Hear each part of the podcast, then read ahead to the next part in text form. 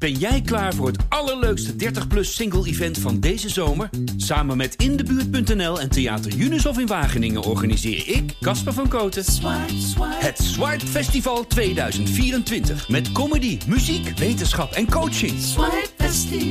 Maar vooral heel veel leuke mensen. Bestel nu je kaart op swipefestival.nl. Swipe, swipe. Hallo, dit is Haags Half Uurtje, de politieke podcast van Trouw. Mijn naam is Christophe Smit. Deze week gaat het over 1350 miljard euro en de grootste wetswijziging sinds de Tweede Wereldoorlog. Er moet en er zal een nieuw pensioenstelsel komen. Na een discussie die vele jaren heeft geduurd, kwam deze week dan toch eindelijk de eindstreep in zicht voor het pensioendebat. En tegelijkertijd moet dat het nieuwe begin zijn van een totaal ander systeem. Daarover ga ik het hebben met de pensioenspecialist van onze Haagse redactie, Esther Lammers. Welkom, Esther. Hoi, Christophe. Hey, we hebben het al eerder uh, hierover gehad, uh, eind vorig jaar, over die pensioenhervorming. Dat heb jij toen heel duidelijk uitgelegd hoe dat technisch precies in elkaar zit. in de show notes staat een link naar die aflevering voor nadere uitleg. Dit keer gaan we echt een beetje de politieke, het politieke spel van de afgelopen weken uitdiepen. Want er is het een en ander gebeurd in vooral de Eerste Kamer. Toch ga ik je even vragen, Esther, aan het begin om nog even in één zin, of twee zinnen mag ook, uit te leggen wat die hervorming nou precies behelst? Heel kort ga ik het proberen. Um, we hebben nu één grote pensioenpot en we gaan straks allemaal een eigen pensioenpotje krijgen. En dat potje met geld is een uitkering die als het goed gaat met de economie, kan die ook nog stijgen. Gaat het slecht met de economie, kan het pensioen ook uh, omlaag. En in het huidige pensioenstelsel betalen jongeren mee aan ouderen. En straks hebben jongeren hun eigen potje.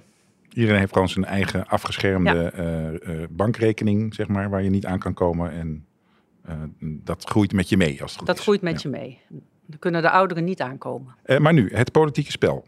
Uh, van de afgelopen weken in de Eerste Kamer. Dat was toch best spannend, toch? Uh, maar wacht even, dat Eerste Kamer, dat was toch dat stoffige instituut waar uh, vooral heren met pijpen zich buigen over stoffige wetteksten. Wat, waarom was dat nu opeens zo spannend? Ja, dat verbaast ook iedereen, want in de Tweede Kamer is er al eindeloos over gesproken en uren vergaderd om, om die wet er goed doorheen te krijgen. Dat werd eind december gedaan.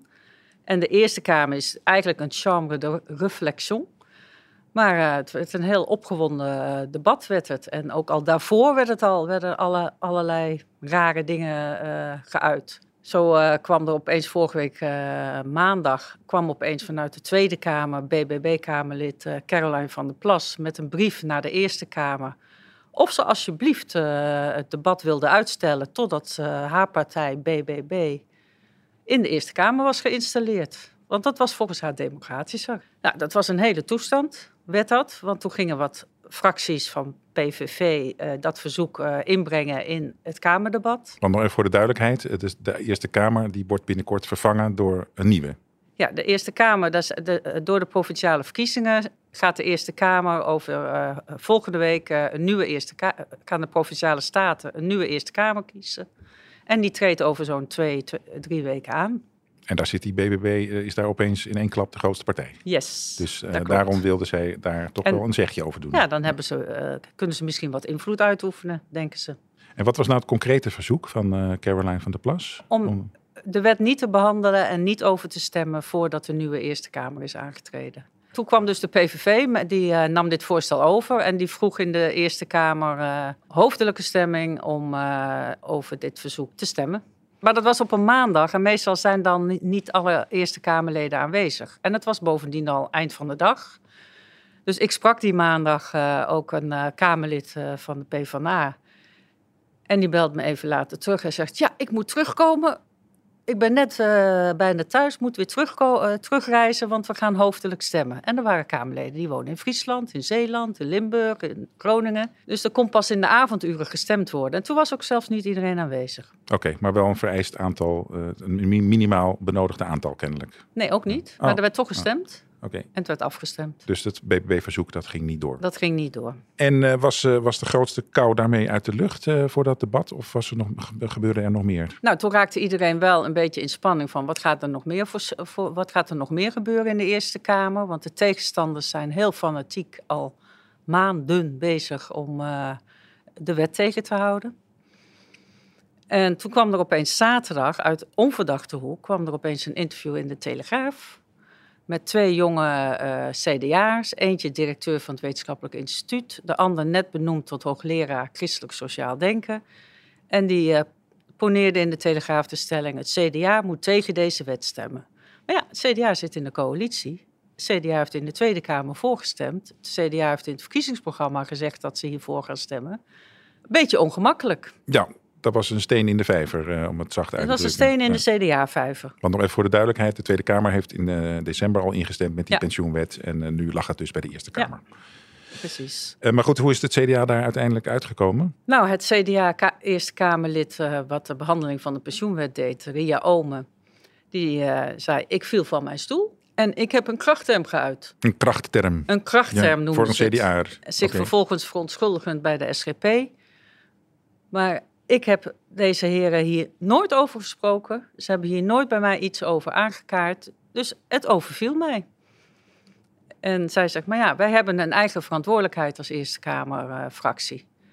En wij houden ons aan het verkiezingsprogramma. En het Wetenschappelijk Instituut van het CDA heeft in 2004 voor het laatst iets over pensioenen geschreven. En die uitkomst van hun wensen staan allemaal in dit uh, pensioenwetsvoorstel. Dus dit is precies wat het CDA wil. Dus die twee uh, de, de, van de ingezonden brief in de Telegraaf, dat, dat was een soort achterhoedegevecht. Het was een soort achterhoedegevecht en eigenlijk ook twee over twaalf. Want politiek moet je dat dan natuurlijk gewoon veel eerder uh, in de partij ter discussie stellen. Uh, Oké, okay, dus die de CDA-prominenten in de Telegraaf, dat waren een soort laatste stuiptrekkingen in dit debat. Of zie ik dat verkeerd? Nee, zo zou je het wel kunnen noemen. Maar het zegt tegelijkertijd ook iets dat de voor- en tegenstanders dwars door alle partijen heen zitten. Ook bij de VVD zijn tegenstanders, ook bij de PvdA zijn tegenstanders, ook bij D66. En het zit heel diep, want het is, pensioen is toch voor je gevoel iets van jouzelf. Je wil die zekerheid dat je straks pensioen krijgt. En dat maakt het ook op eieren lopen voor iedereen. Uh, en nou is er hier en daar de suggestie gewekt uh, dat uh, dat debat in de Eerste Kamer dat dat er een beetje doorheen gejaagd wordt in de haast, om, zodat het vooral voor de nieuwe Eerste Kamer afgerond zou zijn. er werd een suggestie gewekt van haast. klopt dat beeld? Nou, qua behandeling kan ik dat niet beamen, want ze zijn er vanaf januari mee bezig. Ze hebben duizenden vragen gesteld, ze hebben hoorzittingen gehouden, technische briefings gehouden alles erop en dan, wat eigenlijk de Tweede Kamer ook al had gedaan. Dus hadden gewoon dat allemaal kunnen nalezen. En we zijn nu vijf maanden verder. Nou, het is een hele normale wetsbehandeling eigenlijk. Eerder traag dan, dan snel. Ja. Ja, ja. want in totaal was het, nou, wat, wat uh, was het, 15 jaar ongeveer, dat hele debat? Ja, als je bedenkt dat, over, dat de eerste discussie 15 jaar geleden startte van er moet een, een andere wet komen. En we zijn nu 15 jaar verder, dan denk je, ja, hoezo snel? En je kan het er niet mee eens zijn, maar je kan ook zeggen, ja, maar er moet iets anders. En uh, dit is wat, waar ze mee gekomen zijn, ja. Eh, dus we, we hoorden al de tegengeluiden van die twee CDA-prominenten. Uh, de Eerste Kamer heeft ook twee dagen uh, over gedebatteerd. Dus daar zullen vast ook wel wat tegenargumenten over de tafel zijn gevlogen. Kun je kort samenvatten wat, wat de kritiek is op de wet? De kritiek op de wet is voor een deel van de mensen, van de fracties, het is niet nodig als we op een andere manier uh, met de uh, rekenrente waren omgegaan, en dat is een politieke keuze dat we zo met deze rekenrente waren omgegaan, hadden we gewoon jarenlang kunnen indexeren. In het oude systeem? In het oude systeem. Dat, dat het niet helemaal meer goed loopt voor jongeren, ook dat had best opgelost kunnen worden in het oude systeem. Maar er was een wens, van, en die werd heel erg gevoeld door bijvoorbeeld uh, D66, we moeten een wat individuele systeem krijgen. En we moeten af van het solidaire systeem. En uh, zo is het toch uh, nagedacht van hoe kunnen we het wat individueler maken. En dat solidaire systeem, misschien kun je dat nog even iets nader toelichten? Waar we eigenlijk al. Nou ja, jongeren waren solidair met ouderen, want die betalen voor een deel de uitkering van de ouderen.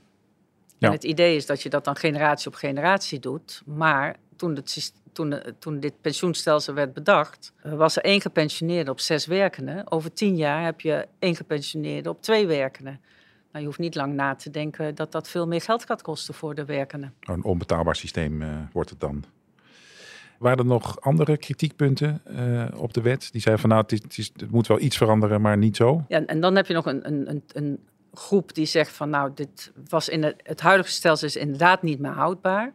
Want je ziet ook dat mensen steeds meer pensioengaten krijgen, omdat ze van vaste baan naar, naar een zelfstandige en dan weer naar een tijdelijke baan en dan weer naar een andere vaste baan. Waardoor je pensioenopbouw allemaal breuken krijgt. Je krijgt ook steeds meer, de groep die geen pensioen opbouwt, is inmiddels 25% van de werkenden. Dat is best een groot aantal. En daar wordt ook niks voor gedaan. Dus er zijn meer problemen in het systeem die opgelost moeten worden. En maar de degene die toch tegenstemmen zeggen, maar de uitkomst van dit, wat nu wordt voorgesteld, daar zijn we toch niet mee eens. We hadden dit anders gewild of dat anders gewild. En welke partijen waren dat uh, ongeveer? Nou, de Partij voor de Dieren, die wilde bijvoorbeeld dat uh, iedereen ook zelf nog kan bepalen bij welk fonds ze hun ingelegde pensioengeld dan gaan beleggen. Want ze willen absoluut niet in de shells, fossiele industrie beleggen of dieren, dierenmishandelingen toestaan. En daar worden ze nog steeds wel toe gedwongen. Er was een afsplitsing, uh, Ventrop, uh, van, uh, een afsplitsing van Forum, die zegt, nou, ik vind het prima voor jongeren, laten we maar een soort casino-pensioen gaan doen. Maar alsjeblieft, laat de gepensioneerden gewoon in het huidige systeem blijven. Nou, zo zijn er allerlei variaties op het thema. Je noemde het woord casino-pensioen. Dat is volgens mij in dit half uurtje nog niet voorbij gekomen. Maar uh, wat is dat, een casino-pensioen? Een casino-pensioen is uh, dat het een soort gok uh, wordt wat je straks aan pensioen krijgt. Dus dat je echt gokt met gespaard geld. Zoals wij gewoon naar de, bij beleggingsfondsen dat ook doen. Je weet, de ene periode gaat het goed, dan gaat het weer slecht. Maar als het slecht gaat in de periode dat je met pensioen gaat, heb, ja, dan baal je natuurlijk wel. Dus er wordt, uh, zeg maar, een zekerheid wordt ons afgenomen door meer op de beurs risico's uh, zeg maar, mee te laten bewegen. En uh, voor zover jij dat kan overzien, in hoeverre klopt dat beeld? Of is dat een, een verkeerde beeldspraak van die, dat casino-pensioen? Ik vind het een beetje overdreven, omdat in het huidige stelsel wordt... Wat denk je met, wat, er, wat er nu met het geld gebeurt? Dat gaat ook naar de beurs. Dat wordt ook belegd op allerlei manieren. En dat doen ze al jaren en dat gaat op zich heel goed. En ze doen een spreiding van de portefeuilles, zodat het niet, uh, de, de, risico's niet te groot en niet te laag zijn. Ze hebben uitgerekend dat gemiddeld als je belegt met het geld, dat je gemiddeld 7% rendement haalt op je ingelegde geld. In de afgelopen 40, 50 jaar, ja. Dan kan je het nu wel opeens casino noemen, maar dan was het 50 jaar geleden ook al uh, casino. Alleen de afhankelijkheid van het beleggingsdeel wordt groter, omdat het premiedeel, dus wat de mensen zelf inleggen, uh, iets kleiner wordt in verhouding. Uh, er werd dus het nodige, nodige kritiek uh, in de Eerste Kamer gespuit. Ehm, daar stond minister Carola Schouten van Pensioenen. Die moest dat allemaal pareren. Hoe, hoe, deed zij dat? Nou, ze was er in de afgelopen jaar goed ingekomen. Want ze verdedigde het met, met overtuiging. Ze zegt, ik ben er echt van overtuigd dat dit een beter pensioen is. Dat het rechtvaardiger is dan het oude pensioen. En dat het zekerder is dat het ook voor de toekomst uh, voor jongeren een pensioen oplevert. En ze heeft maar heel zelden even gekeken op een uh, briefje van wat moet ik hiervoor antwoord geven. Dus ook inhoudelijk zat ze er goed in. Dan kon ze allemaal technische, ingewikkelde vragen kon ze allemaal pareren. Dus dat gaf ook wel wat gevoel van, nou oké, deze minister weet wel waar ze over praat. Ja. En heeft zij ook toezeggingen gedaan aan, aan, aan de Kamer? Nou ja, vanuit de voorstanders nam ze de, natuurlijk de kritiek nog wat serieuzer, omdat ze die natuurlijk wel eh, aan boord wil houden dat zij uh, gaan instemmen. En ook bij die voorstanders, ook bij het CDA, ook bij de ChristenUnie, ook bij D66 was er wel van ja, maar we gaan een heel onzekere tijd tegemoet. Want eerst moeten alle pensioenen overgezet worden. En gaat dat allemaal wel goed? Het is best veel geld, 1500 of 1350 miljard en 10 miljoen uh, deelnemers in die pensioenfondsen. En hoe zorg je nou dat er, dat er niet een groep tussen wal en schip valt, of dat er grote problemen ontstaan met de ICT of met, uh, nou ja, alle beren zagen ze op de weg. En CDA stelde dus voor van, kan er niet een regeringscommissaris komen die die overgangsfase alles gewoon goed in de gaten houdt en ons als politiek tijdig ja, alarmeert als het niet goed gaat tegen de verwachting in kwam de minister aan het woord en zij nam dat voorstel over. Een regeringscommissaris. Een regeringscommissaris. Weer een functie erbij. Weer een functie erbij.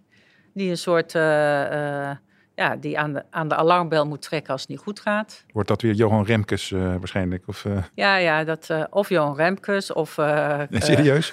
nee. Ik maakte een grapje. nee, maar die grap ging meteen. ja, oké. Okay. Oh, ook in de zaal. Niet origineel. en de tweede waar ze ook tegen ieders verwachting in tegemoet kwam... was dat ze zei, oké, die overgang die is best ingewikkeld. Moet zorgvuldig gebeuren en moet goed gaan. Hè, want daar is iedereen bang voor. We zijn nu een jaar later dan, we, dan ze zouden beginnen. Dus we geven ze nog een jaar langer. En als het tussentijds toch niet goed gaat, kunnen we altijd nog verder verlengen. En een jaar langer wil zeggen tot? Dus nu gaat het in principe in in 2028. Eigenlijk is dat al best snel, toch, voor zo'n enorme operatie? En dat kan best snel zijn, want als jij, uh, want er zijn 190 pensioenfondsen. En ze moeten allemaal een plan maken van hoe gaan we dit doen? Hoe gaan, wat geven we aan jongeren? Wat geven we aan ouderen? Waar vallen de gaten? Hoe gaan we die mensen compenseren? En dan moeten ze dat indienen bij de uh, toezichthouder, de Nederlandse Bank. En die kan dus allemaal in één klap tegelijkertijd al die voorstellen krijgen. Nou, die kan het dan weer niet verwerken. En daarna moeten ze ICT's inhuren om al die systemen om te bouwen. En met al hun deelnemers individuele deals te sluiten over die overgang. Nou, ICT-problemen uh, genoeg uh, in Nederland volgens mij. En we hebben al ICT-problemen ja. genoeg. En er, zijn al, en er is al een groot tekort aan ICT'ers. Dus nou, okay. tel maar uit. Maar goed, met, met die twee toezeggingen, dus die regeringscommissaris en uh, een jaar uitstel, ja. was die Eerste Kamer definitief overstag. Toen zag je gewoon van, nou, nou gaan ze gewoon echt met iets meer geruststelling akkoord. Oké, dus jij zegt de, de, Eerste Kamer is, is overstag. En wat, hoe gaat het nu verder de komende week? Ja, je moet wel weten, de eerste, in de Tweede Kamer waren de, uh, was de coalitieakkoord, maar ook PvdA en GroenLinks, Volt en de SGP. En um, in, de in de huidige Eerste Kamer zit Volt niet. En er is dus straks een nieuwe Eerste Kamer die, die, waar Volt wel in zit. Maar de coalitiepartijen hebben fors verloren. Dus er wordt nu heel erg druk gerekend. Uh, gaat dat allemaal wel goed? Maar toch denkt iedereen wel, of het nou in de oude of in de nieuwe Eerste Kamer is, er komt een meerderheid voor deze wet. Oké, dus die spanning die de BBB er een beetje inbouwde van uh, we moeten wachten tot die nieuwe Eerste Kamer en dan gaat het misschien niet door. Die, die spanning is, is er niet. Ja, gaat niet door. Of dan gaan we weer verder uitstellen. En van uit, uh, uitstel kan altijd afstel komen. Um, wat gaat er volgende week precies gebeuren, Esther? Ja, het wordt nog, toch nog weer spannend, want uh, aanstaande dinsdag is het 30 mei, na, na Pinksteren. En dan gaan ze de laatste vergaderdag houden. De, de, volgende vergadering gaan ze afscheid van elkaar nemen. Van de oude Eerste Kamer? De, oude maar. eerste, ja. de huidige Eerste Kamer gaat dan afscheid nemen. Dus dinsdag is de hele dag staat in de teken van, kunnen we deze wet aannemen? En nu is er op het door de, door, de, door de oppositie is het toch weer gevraagd om er nog een keer over te praten. Dus ze beginnen ze al om negen uur s ochtends, gaan ze toch weer over de pensioenwet praten. En praten of het niet tegen de grondwet is en uh, allerlei elementen. En daar moet dan eerst weer over gestemd worden. En de verwachting is dat er ergens in de avonturen, misschien wel in de nacht, gestemd gaat worden over deze nieuwe pensioenwet. Maar als ze het niet afkrijgen, de behandeling van die wet, ja, wat dan? Gaan ze niet gewoon door uh, tot het gaatje? Zeg maar, dat, dat ze dit echt hebben Nee, want afgerond? ze willen nu eigenlijk dat het teruggaat naar de Tweede Kamer. Dat is hun streven, want er kan er niet over gestemd worden. En hoe zit dat precies? Waarom zou dat terug moeten naar de Tweede Kamer? Nou, het zou weer terug moeten naar de Tweede Kamer, omdat een paar partijen, waaronder de SP, die is, die is daarmee begonnen, die zegt van er staat in uh, deze wet een wijziging van de pensioenvoorwaarden voor politieke ambtsdragers. En daarvoor heb je volgens de grondwet artikel 63 twee derde meerderheid van de Eerste en Tweede Kamer nodig. En politieke ambtsdragers, dat zijn ministers, staatssecretarissen, iedereen die... Uh... Die een bestuurlijke functie uh, heeft gehad. En Kamerleden trouwens ook. Dat zit in deze wet, maar in de Tweede Kamer is er met een gewone meerderheid gestemd. Dus ze zeggen, minister, doe dat nou niet. Want hier kunnen ze straks allemaal rechtszaken over gaan beginnen. En dan heb je problemen met deze wet. Dus haal dit onderdeel uit de wet. Maar de minister weigert dat. Die zegt: Ik verander materieel niks aan de, de wet, aan de pensioenvoorwaarden voor politieke ambtsdragers. Dus ik hou het erin. Nou, dat gaan ze dinsdag nog even met elkaar uitvechten. En afhankelijk uh, van de uitkomst daarvan uh, kan er wel of niet over gestemd worden. Dus er zit toch nog wel degelijk spanning op. Tot het la ik heb het zelden meegemaakt dat het tot het laatste moment het spannend wordt gehouden. Ja. Oké. Heb je al een hotelletje gereserveerd voor, de, voor die dinsdagavond? Dat zou een goed idee zijn. Oké.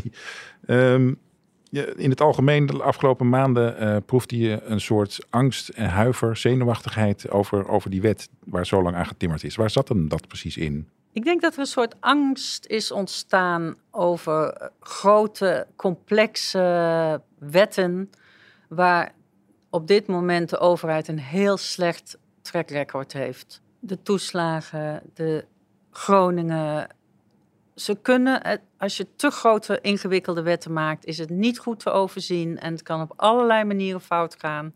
En de overheid heeft daar onvoldoende grip op. En de angst is groot bij alle partijen dat het met deze wet weer gaat gebeuren. De spreidingswet, ook zo'n voorbeeld hè, over de, de spreiding van daarvan uh, asielzoekers. Zei, daarvan zei ook uh, het PvdA-Kamerlid Kronen van... ja, we hebben het met de spreidingswet ook steeds maar uitgesteld, al vier keer... in de hoop dat de spanning eraf ging. Nou, de spanning is er nog steeds niet af van de spreidingswet. Dus ja, uitstel is geen garantie dat het dan beter wordt. Nee, wat je ook vaak hoort is dat uh, met, met die spreidingswet en deze pensioenwet, dat de, de regering liever slechte wetten aanneemt dan helemaal geen wet. Herken jij dat beeld? Klopt dat? Nou, dat is, ik, ik herken dat dat veel gezegd wordt. Ja. Maar ik heb nu een jaar lang deze uh, parlementaire behandeling van de pensioenen meegemaakt. En ik ben best onder de indruk hoe diepgaand deze parlementsleden zich in de materie hebben verdiept. En ik moet ook eerlijk zeggen, je moet ook niet willen dat iedereen dat doet. Het is totaal uh, acacadabra voor de meeste mensen. Dus het vraagt ook een beetje vertrouwen. En dat is het tweede probleem. Dus hebben geen goede track record. En het tweede probleem is dat in alle enquêtes het, de politiek er gewoon slecht op staat. Er is niet zoveel vertrouwen in de politiek. Dus als dit weer fout gaat, ja, wat gebeurt er dan? En we praten over iets waarbij uh, met 190 pensioenfondsen er op allerlei manieren wat fout kan gaan, waar wij alleen maar naar kijken, gaan kijken. Want we zitten niet met de neus bovenop. En er is ook een beetje angst dat als we weer gaan uitstellen, dat uh, het draagvlak onder uh, deze wet alleen maar verder afbrokkelt. Er was in 2019 hebben de vakbonden met de werkgeversorganisatie en het kabinet een akkoord gesloten over zo gaan we het nieuwe stelsel inrichten. Daarna hadden we twee jaar corona. En sindsdien zie je alleen maar uh, de animo voor deze wetswijziging afnemen. Dus als je nog een jaar uitstelt, dan, dan is, er, is er weer minder animo. En omdat er al een groot deel is die dit helemaal niet ziet zitten, ja, kunnen ze zich dat eigenlijk helemaal niet permitteren. Nee. En dat, is, dat vind ik ook wel een beetje gek, want uh, we hebben nu, vorig jaar kwam de minister met dit, zeg maar met dit wetsvoorstel. En je zou eigenlijk mogen verwachten dat die sociale partners dan ook actief aan het lobbyen gingen of vertellen van waarom dit zo'n goede wet is. Nou, ik moet zeggen, ik heb ze nauwelijks gehoord. Achter de schermen zijn ze misschien wel bezig, maar gewoon in, in de media staan ze niet deze wet uh, te verdedigen. En dat is wel gek. Want daardoor kregen de tegenstanders steeds meer uh, podium. En het geluid van de, uh, van de tegenstanders is ook veel dominanter geweest dan het geluid van de, van de voorstanders. En ook in het wetsvoorstel zelf wordt er wel iets van 400 keer verwezen naar dat de sociale partners, vakbonden en werkgeversorganisatie, hè, dat zij dit willen. Het is, het is een soort wet van niemand geworden daardoor. Niemand wil zich verantwoordelijk voelen straks. Ja, en dat, is, eh, en dat is dan ook een probleem, want dan vragen ze tijdens zo'n wetsbehandeling. Maar als het misloopt, minister, wie, gaat dat, uh, wie is dan verantwoordelijk? En dan komt er weer een parlementaire enquête en, uh, enzovoort, enzovoort. Nou, dan zegt de minister, ja, daar zijn dan de fondsbestuurders voor verantwoordelijk. Ja, en wie gaat het dan betalen als het misloopt? Ja, dan moeten ze toch uit hun eigen vermogen betalen. Dus de deelnemers gaan zelf betalen als het misgaat. Lekker dan. Dat voelt niet heel erg lekker nee. voor de meeste mensen. Uh, dus dat is meer een kwestie van eigenaarschap. Hè? Dat niemand zich eigenlijk verantwoordelijk voelt uh, voor die wet. Wat, wat zijn er nog meer voor kopzorgen? Nou, er is ook grote zorg of het überhaupt uitvoerbaar is of ze het wel aankunnen om, om al die individuele potjes uh, en hoe ga je dat dan doen met beleggen en is, wordt het dan wel weer eerlijk gedaan? Krijg je daar niet problemen mee? Is het uh, zeg maar technisch uitvoerbaar? Is er wel voldoende personeel om dat te doen? En de grote vraag is of, het, of deze wet juridisch houdbaar is. Is het niet strijdig met de grondwet? En, krijgen en er wordt aan alle kanten aangekondigd dat er uh, toch een juridische strijd gaat komen. Nou, dat kan maar deels in Nederland. Voor een deel zal het in Brussel en voor een deel bij het Europese Hof uh, plaatsvinden. Nou, dan, het Mensenrechtenhof. Mensenrechtenhof. Ja. En we weten dat dat soort zaken jaren gaan duren. Dus dan ben je dadelijk in 2028. En dan komt het Hof met een uitspraak: nee, deze wet is niet rechtsgeldig. Nou, dan zijn we weer terug bij af. Ja, dat is allemaal uh, heel ingewikkeld als je dat uh, zou krijgen. Klinkt als een nachtmerrie scenario. Een beetje box 3 dan, hè? Van opeens word je overvallen met, uh, ja, dat was wel leuk bedacht, maar dat gaat zo niet. Nou, en dan is het, het gaat dus je kan hopen dat je nu nooit meer over pensioenen hoeft te schrijven. Maar de minister zei al, dit gaat nog heel veel jaren duren. Want allerlei kleine dingetjes, details. Wat doen we met een nabestaande pensioen? Wat doen we met zware beroepen? Wat doen we met uh, de, de ZZP'ers die niet verzekerd zijn. Dat moet allemaal nog veel verder worden uitgewerkt en in detail in nieuwe wetten worden voorzien. Uh, Oké Esther, uh, jij volgt dit dossier al een paar jaar en je bent er waarschijnlijk nog niet vanaf. Het is een pittig onderwerp. Uh, toch een historische stemming wellicht komende week. zie jij nog positieve elementen in dit topzware verhaal? Nou, ik vind het toch best positief dat je na 15 jaar op zo'n ingewikkeld onderwerp met zoveel verdeelde belangen dat je met elkaar toch ergens een besluit over kunt nemen. En dat zie je met zoveel andere wetten niet gebeuren. We zitten al jaren met de spreidingswet, de asielwet, de omgevingswet, stikstof.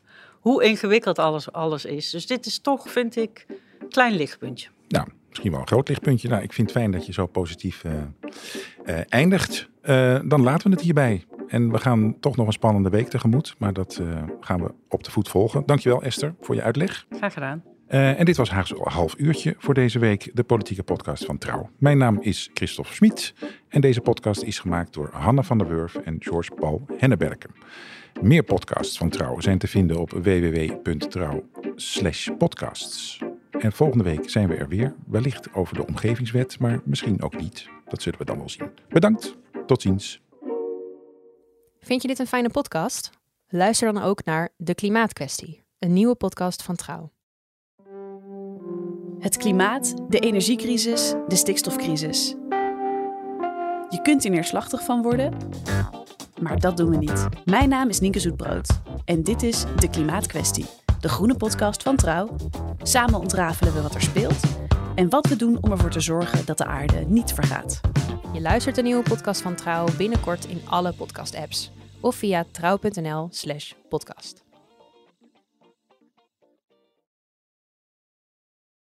Ben jij klaar voor het allerleukste 30-plus single-event van deze zomer? Samen met Indebuurt.nl en Theater Unisof in Wageningen organiseer ik, Casper van Koten, Swipe. het Swipe Festival 2024. Met comedy, muziek, wetenschap en coaching. Swipe Festival. Maar vooral heel veel leuke mensen. Bestel nu je kaart op swipefestival.nl. Swipe, swipe.